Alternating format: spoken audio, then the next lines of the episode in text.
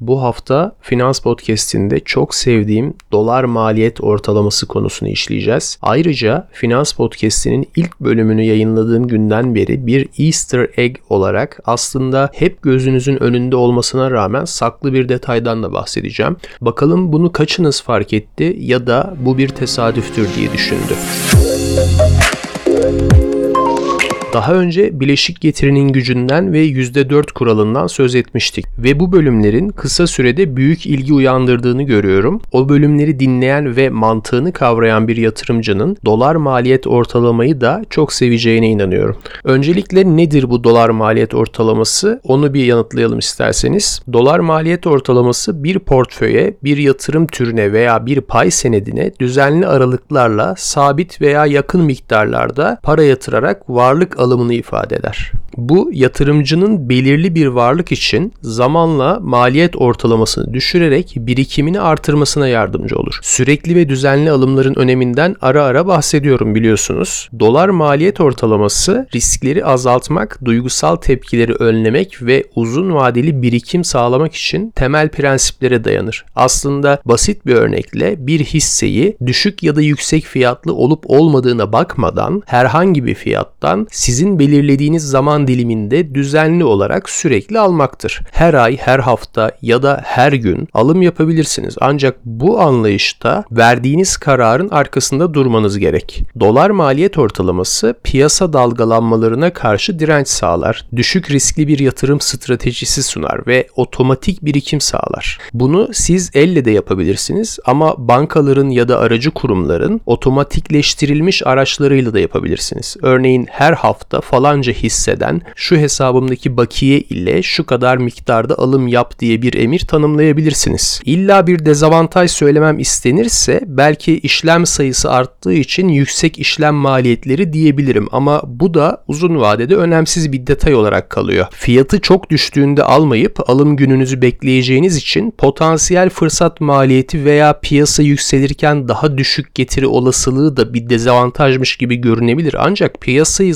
zamanlamak neredeyse imkansız olduğu için dolar maliyet ortalaması daha güvenli bir sonuç elde etmenizi sağlayacak sihirli bir araç. Çünkü dolar maliyet ortalaması piyasaya yanlış zamanda girmekten kaynaklanan risklerin de önlenmesine yardımcı olur. Yani bir hisseye ya da endekse tek işlem için ayırdığınız sermayenin tamamını birden sokmaktan daha iyi sonuçlar verebilir. Dolar maliyet ortalaması hisse senetleri, fonlar, kripto paralar gibi farklı varlık sınıflarına uygulanabilir. Genellikle düşük maliyetli endeks fonlarında tercih edilir. Yatırımcılar kira getirisi, maaş gibi aylık getirilerinden kenara ayırdıkları miktarın belli bir kısmını her ay ya da her hafta dolar maliyet ortalaması yaparak yatırıma aktarabilirler. Dolar maliyet ortalaması al-sat için uygun bir strateji değildir. Bu gibi durumlarda her zaman karlı olmayabilir ve sabır işidir piyasa koşulları ve varlık seçimi kısa vadeli hareketlerde önemli rol oynayacağı için bir spekülasyon aracı değil, daha çok yatırımcı dediğimiz benim gibi, sizin gibi orta ve uzun vadeli birikim hedefleyen kişiler tarafından tercih edilmesi gereken bir strateji. Dolar maliyet ortalamasına başlamak için bütçeleme, varlık seçimi ve yatırım araştırması yapılır. Bunları nasıl yapacağınızı Finans Podcast'inin önceki bölümlerinde parça parça anlatıyorum. Dinlemediyseniz kulak verebilirsiniz. Ardından Ardından düzenli olarak kararlaştırdığınız sıklıkta belirli bir miktar para seçtiğiniz yatırım aracına aktarılmalıdır. Bunu yaparken de duygusal tepkilere karşı direnç göstermelisiniz. Bir örnekle kafanızda daha iyi canlanmasını sağlayalım mı? Sıkı dinleyiciler biliyordur. Bir sonraki boğaya kadar her çarşamba benim kripto para alım günüm. Örneğin bu çarşamba Bitcoin çok yüksek. Bugün almayayım. Belki yarın düşer. Düşünce daha ucuza alırım gibi anlık bir karar veremem. Çünkü geçmiş deneyimlerim bana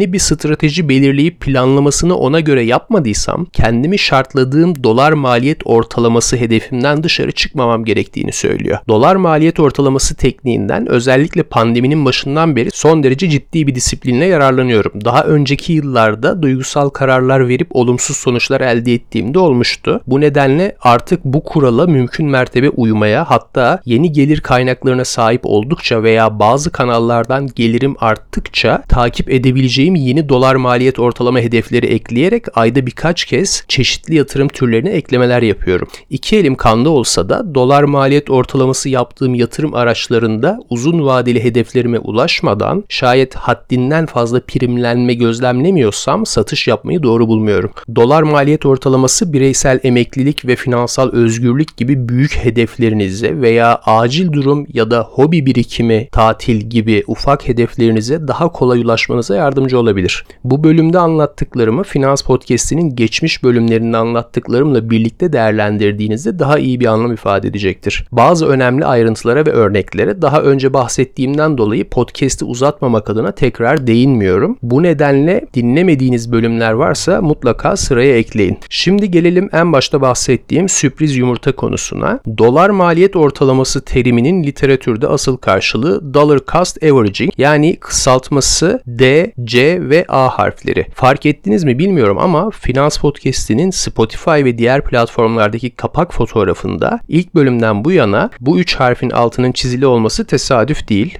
bileşik getirinin gücü ve dolar maliyet ortalamasının sihirli dokunuşuyla bugün rahat bir hayat sürüyorum. Sizin de tamamen sıfırdan zamanınızı kendinizin yönetebileceği ve istemediğiniz hiçbir işi yapmamanızı sağlayacak konfora ulaşabileceğinizi göstermek için de bunları size aktarıyorum. Önümüzdeki hafta ilginizi çekebilecek bir başka konu planlıyorum. O zamana kadar bana sosyal medya hesaplarım üzerinden ve e-posta kanalıyla ulaşabilirsiniz. Bu ayrıntılar açıklama bölümünde mevcut. Tekrar görüşmek üzere, hoşçakalın.